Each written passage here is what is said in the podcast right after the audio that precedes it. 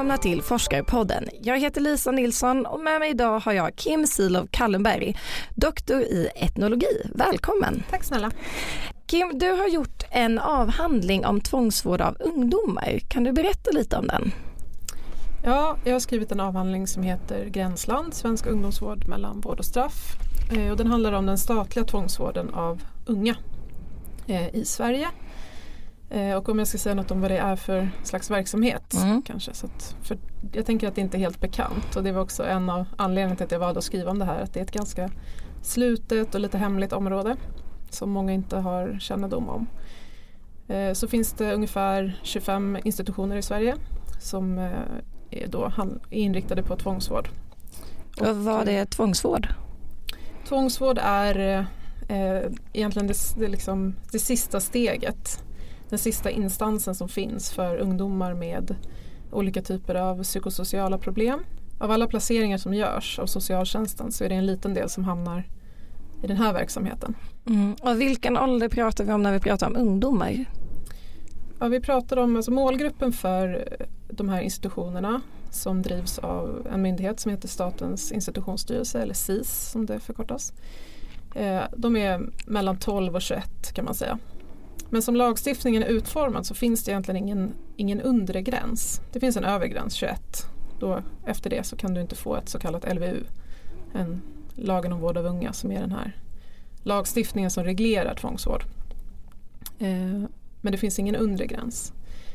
Eh, så det, varje år så förekommer det att eh, barn så unga som åtta eller nio år blir placerade på sådana här institutioner. Men då har det gått ganska långt alltså? Då har det gått väldigt långt. Ja. Men i din avhandling så skriver du att du gjorde en studie på ett ställe som kallas Viby. Mm. Kan du berätta vad du gjorde där? Ja, alltså det här var en institution då för unga pojkar. Eh, de jag träffade där var mellan 14 och 21 år. Eh, den här institutionen hade tre avdelningar. En behandlingsavdelning där det var tänkt att man skulle bo lite längre och två avdelningar som kallas för akut och utredningsavdelningar. Eh, dit kan du komma när du, har, när du är alltså, eh, påtänd eller så. Alltså akut verkligen. Upplockad från gatan i princip. Eh, men du kan också vara där och gå igenom en psykologutredning eller ja, där man utreder vilka vårdbehov som finns.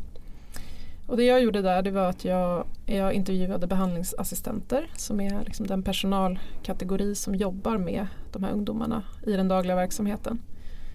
Och eftersom ungdomarna bor och lever där liksom under en viss period eh, så finns det personal närvarande alla dagar i veckan och dygnets alla timmar. Det finns de som sover där på natten och eh, sitter vaken och ja, så. Så att all, någon är alltid där? Någon är alltid där och ganska, det är ganska personaltätt också.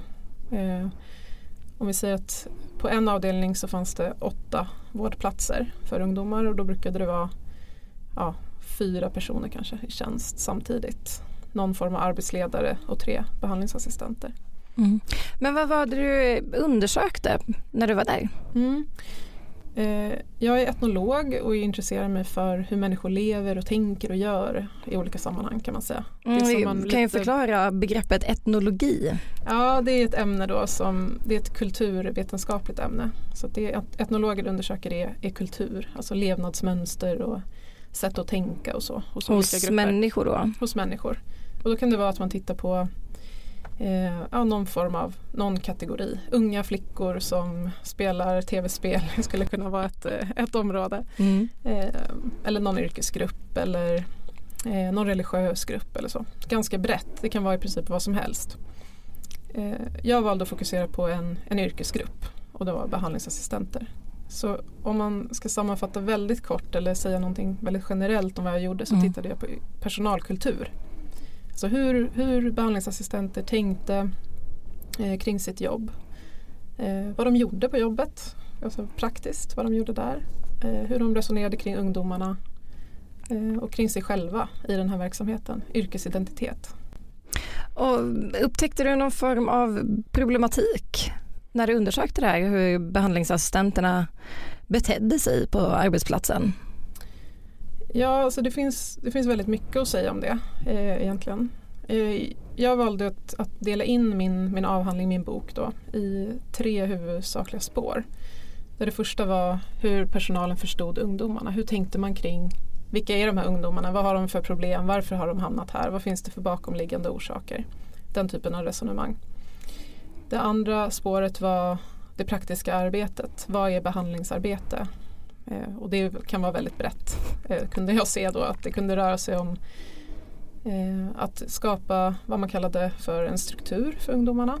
Och det kunde vara då att ja, klockan halv nio så är det väckning, sen ska de bädda sängen, sen ska de äta frukost, sen ska de gå till skolan. Att hålla den strukturen, det var en del av behandlingsarbetet. Det tredje spåret var det här med yrkesidentitet. Hur såg man på sig själv som behandlingsassistent? Vem var en bra behandlingsassistent? Hur, hur tänkte man kring det? Det var ett område som jag tyckte var väldigt spännande för det, var, det finns en tydlig problematik där. Och hur såg de här människorna som du intervjuade, hur såg de på sig själva i sitt, eh, i sitt yrke?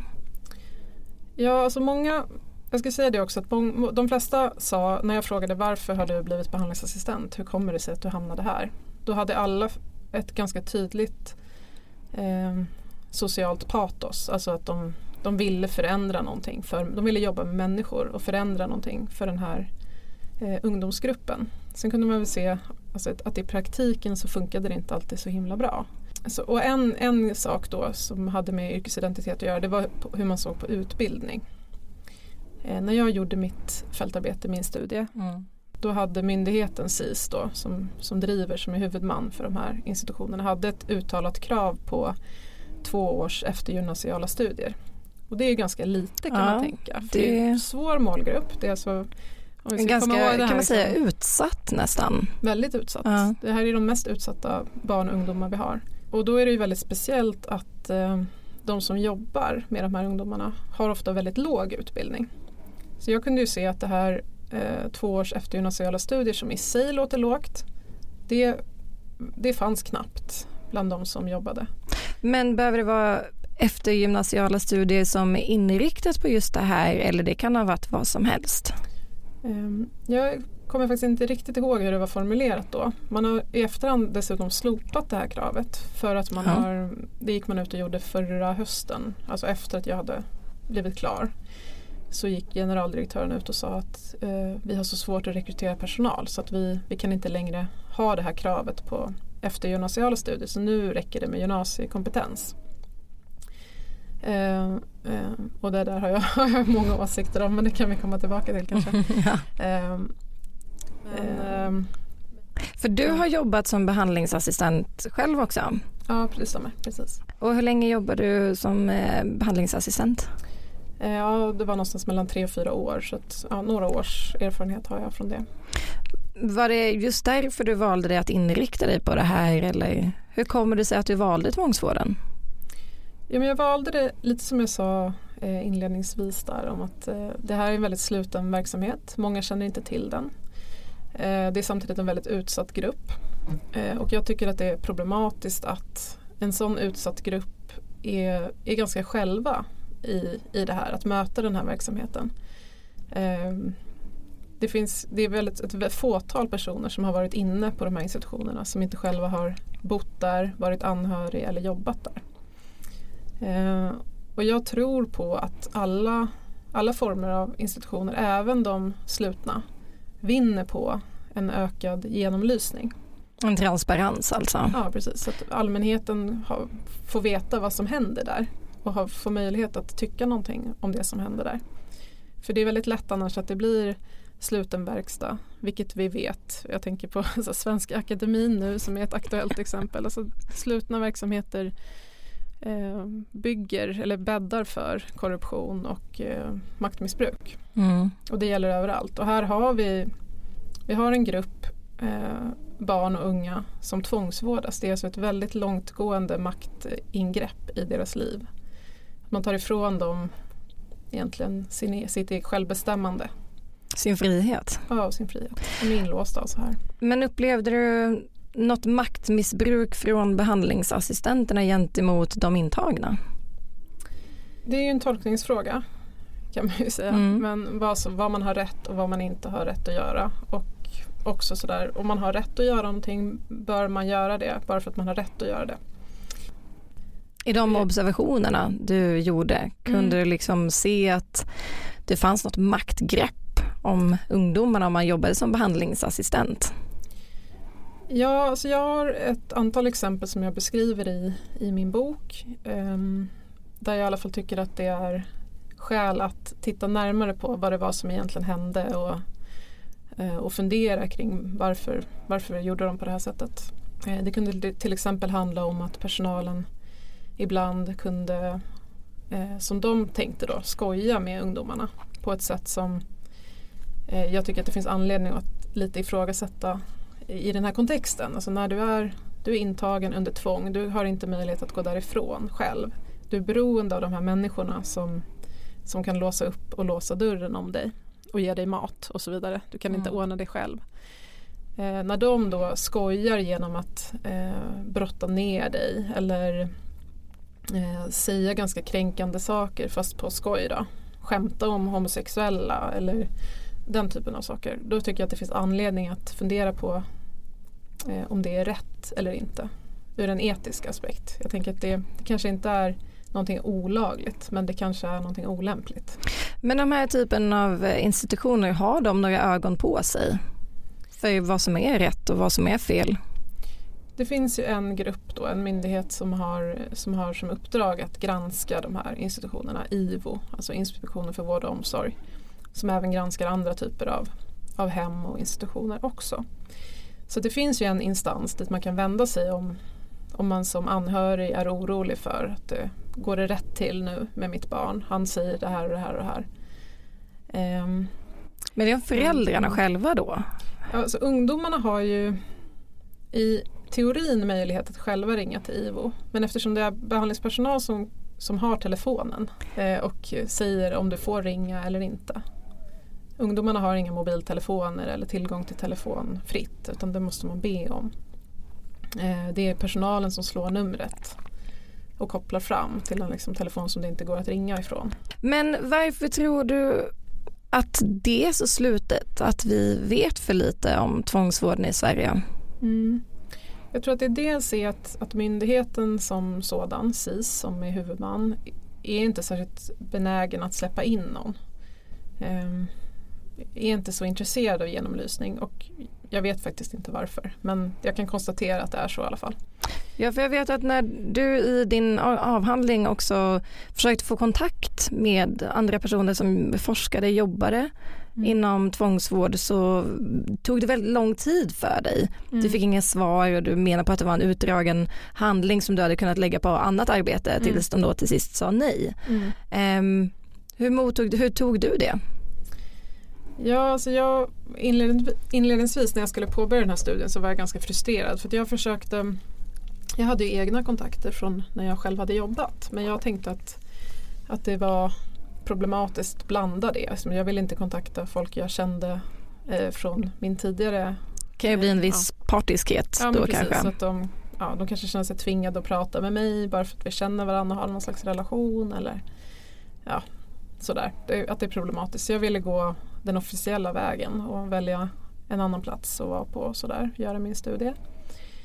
Eh, och då kontaktade jag myndigheten som är ansvarig. Eh, de har en egen forskningsavdelning. Så jag kontaktade den och berättade att jag har fått den här tjänsten. Jag, ska, jag har blivit anställd här för att skriva en, eh, göra en studie om SIS.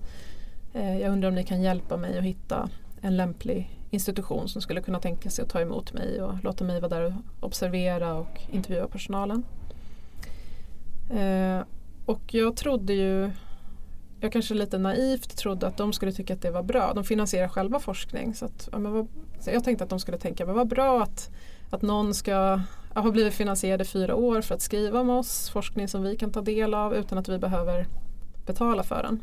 Men jag möttes istället av vad jag uppfattar som en ganska eh, ja, men, alltså misstänksamhet helt enkelt. Viss mot, motstånd kanske? Ja, ett visst ja. motstånd. Så här, Vaha, varför, varför vill du forska om oss? Ska du inte istället skriva om, om HVB-hem? Det är ju många fler ungdomar som hamnar där i den typen av frivillig vård. Så. Eh, och jag svarade att ja, men jag är intresserad av just den här eh, problematiken som kan finnas med att vårda någon under tvång. Vad kan man egentligen uppnå då och hur resonerar personalen om det här med inlåsning och att det finns liksom en spännvidd i, i uppdraget som behandlingsassistent som, som rör sig från att liksom spela pingis till att låsa in någon. Det är ganska, mm eh, Stort speciellt, mm. speciell yrkesvardag som jag ville, ville skriva om. Eh, men den här personen då som var ansvarig verkade inte alls intresserad. Jag, till slut så lyckades jag tjata mig till en intervju med henne. Mm. Eh, och jag så, vi sågs för jag tänkte att om jag får berätta lite mer, visa vem jag är och berätta lite mer om vad jag tänker. Och att jag inte är ute efter att sätta dit någon utan jag vill skapa kunskap kring de här institutionerna för att göra dem, göra, underlätta, göra det bättre för både personalen och ungdomarna. Eh, men hon behandlade mig som att jag var någon sån här ja, men wallraffande journalist som ville liksom gräva fram smuts och sätta dit dem. Mm. eh, och hon sa till slut att nej men det, det, pågår redan för mycket forskning. Vi, vet, vi behöver inte mer forskning om det här. Eh, så att vi har inte tid med dig. Typ. Ja för det speciella egentligen här med, med din forskning är att det är ju första gången man tittar på behandlingsassistenterna och inte ja. ungdomarna som mm. är intagna. Det har gjorts en del studier av behandlingsassistenter förut så jag är inte först så men eh, eh, från min vetskap i alla fall så är jag den första som inte är finansierad av SIS, egen forskningsavdelning som har tittat på behandlingspersonal. Men kan du känna att ditt tidigare jobb var en fördel eller nackdel i det här fallet när du observerade yrket som behandlingsassistent? Jag har gjort mitt bästa som jag tycker att man ska göra som forskare. Att väga saker från olika perspektiv. Titta och vrida och vända på det jag kommer fram till. Fundera över min egen roll. Jag kan inte ta bort min egen roll men jag kan problematisera den och fundera kring den. Men jag skulle nog säga att det egentligen enbart har varit positivt att jag hade den här egna bakgrunden. För det första så tror jag inte att det överhuvudtaget hade varit möjligt att få tillgång till den här världen om jag inte kunde säga att nej, men jag vet vad det handlar om. Um, att det blev liksom avväpnande på något sätt i mötet med de här personerna. De kände lite att ja, men, okej, hon är forskare men hon är också lite en av oss. Men om vi går tillbaka till behandlingsassistenterna. Mm. Vad, vad, fick du för svar på din frågeställning? För du utgick mm. liksom från hur de ser på sig själva. Mm. Eh, jag vet att du undersökte lite i hur könen, de olika könen ser på sig själva. Mm. Eh, kan du berätta lite om det? Mm. Så där, behandlingsassistentyrket är ganska intressant tycker jag eftersom det, det, är ett vårdyrke och vårdyrken förknippar vi vanligtvis med, med kvinnor. Det är framförallt kvinnor som jobbar inom vården. Eh, på de här ställena så är det, är det mest övervägande del män som jobbar. Så det gör det till ett lite speciellt vårdyrke. Och jag vet inte om det också har eh, spelar roll för hur, hur män agerade i sin yrkesroll. Varför tror du att det är mer män inom just det här yrket? Alltså det uppfattas som ett eh, lite farligt jobb. Eh, jag som har jobbat själv vet att det verkligen inte behöver vara det. Eh, visst förekommer det eh, skrik och bråk och eh, våldsamma situationer. Det, det gör det. Men det är verkligen inte den stora delen av jobbet. Den stora delen är, är omsorgsarbete och att bygga relationer, att skapa trygghet och, och umgås med de här ungdomarna, göra vardagen dräglig för dem under förutsättningen att de är inlåsta. Det är lite som att jobba på fritidsgård fast de bor där också. Och här kommer vi in på en, eh, ett liksom spänningsfält eller vad man ska säga som jag beskriver också i avhandlingen att det här är ett, är ett område som, som rör sig mellan att vara vård och omsorg och att vara någon form av straff. Det är inte officiellt ett straff. Du blir inte dömd till tvångsvård utan det, det här eh, sorteras under det område som socialtjänsten har ansvar för. Man blir placerad för att man ser att, att det finns ett vårdbehov.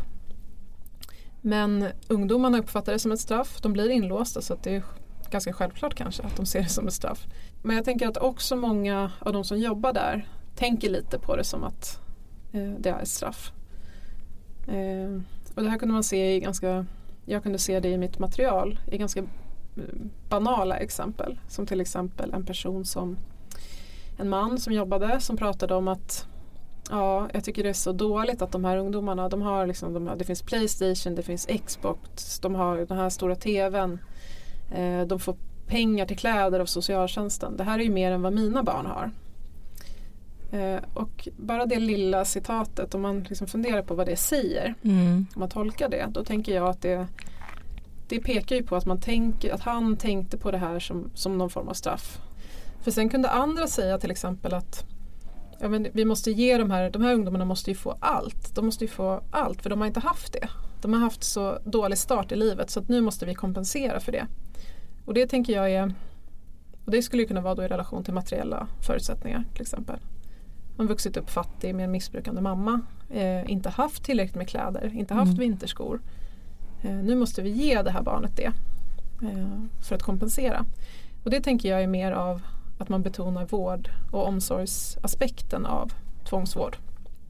Kunde du märka mer eller mindre av något? Var det en mer typ av eh, bestraffande vård eller var det mer en eh, omsorgsvård? Vad såg man mest av?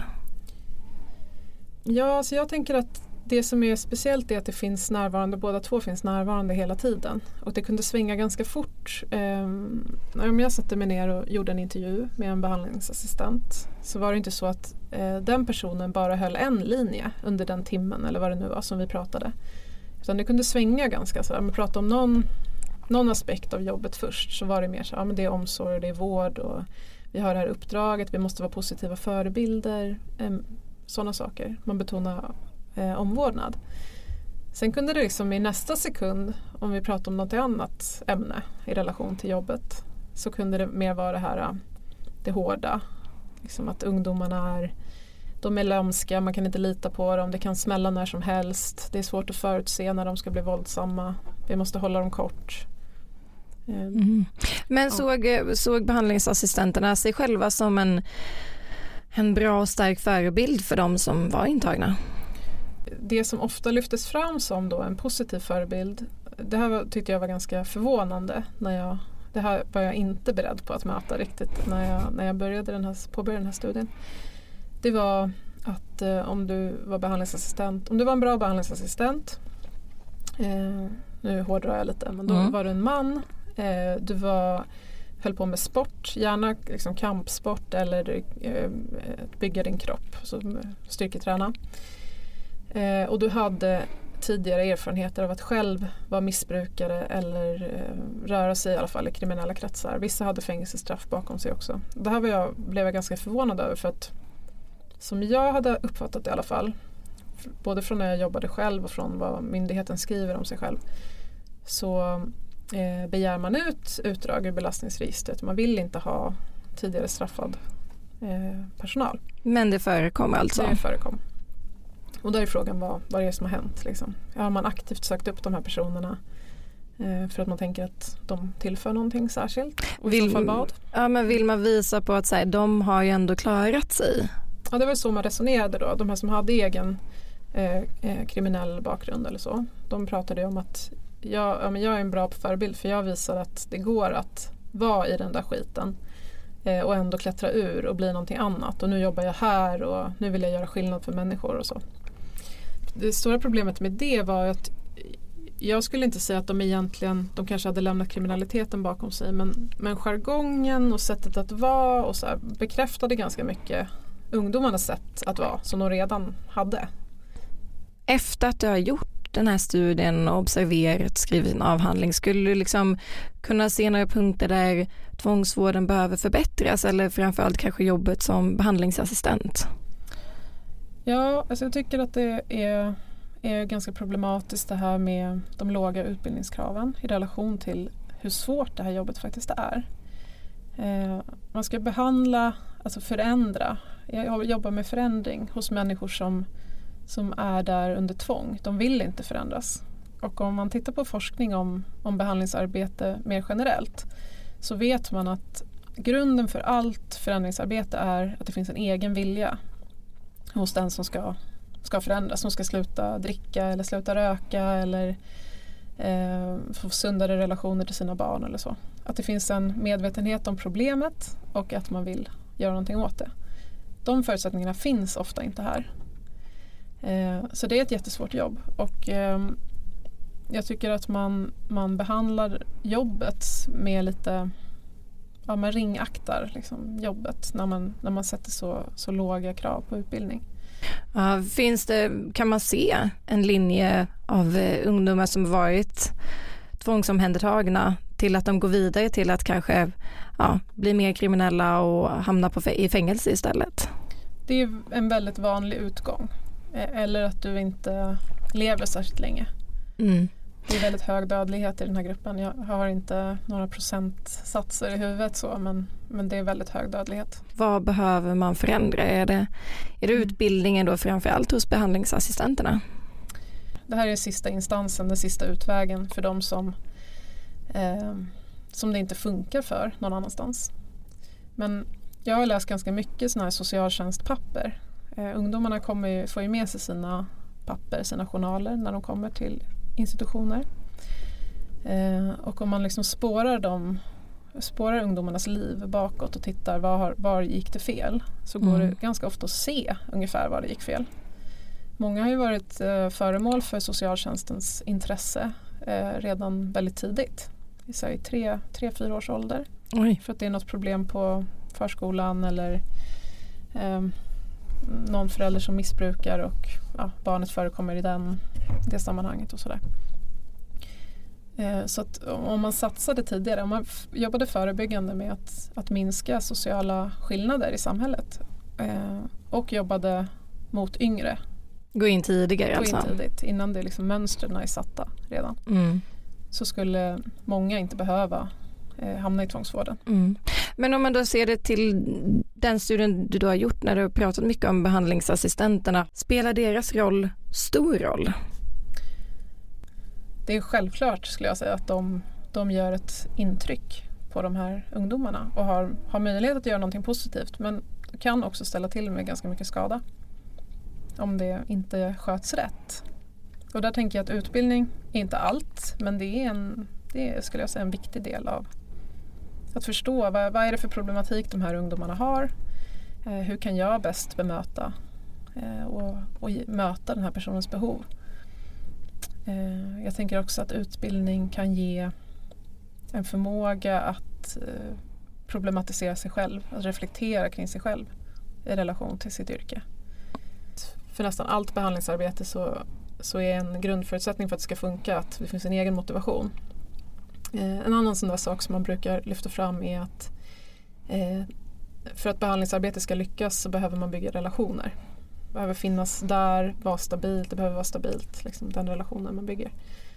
Um, och det är ju väldigt svårt att bygga en relation med någon som man kommer känna bara under några månader. Där skulle man ju kunna tänka kring att ja, men hur gör vi sen då? Uh, hur, hur kan vi säkerställa att den här de relationer som byggs också kan få någon slags fortsättning eller så. Tror du att eh, din forskning kring det här har gjort någon skillnad eller påverkan av liksom kommande arbete för tvångsvården? Åh, det vet jag inte. Jag hoppas ju det. Det har varit liksom min, min målsättning från början med hela det här projektet att synliggöra, öppna upp, liksom, visa på vad det här är för någonting. Eh, och också göra det bättre eller skapa i alla fall ett underlag för att eh, göra det bättre. Jag har hört eh, att det har liksom hänvisats till min studie i olika sammanhang. Eh, här, ja, men det stod i, i, i Kim Silo Kallenbergs bok så står det ju faktiskt att eh, vi skulle behöva jobba så här och så här och så här eller att det här har den här konsekvensen. Eh, alltså att behandlingsassistenter har lyft upp den. så. Eh, och det gör mig väldigt glad faktiskt. Ja. det, känns som stor, en stor vinst om, om någon har börjat fundera kring sitt, sitt arbete och hur de kan göra det bättre och kan använda det jag har kommit fram till som någon slags eh, ammunition eller mm. grund att stå på. Ja. Ja. Jag tänker att det är det som, som är forskningens roll. Att vi forskare ska ge en kunskapsbas som andra sen kan använda sig av. Journalister eller vad det nu kan vara. Liksom. Eh, så med de orden Kim så tackar vi så mycket för idag. Tack för att du kom. Tack för att du fick komma hit. Ni har lyssnat på Forskarpodden här på Södertörns högskola. Med oss idag var Kim Stilow Kallenberg, jag heter Lisa Nilsson och tekniker idag var Elin Jonsson.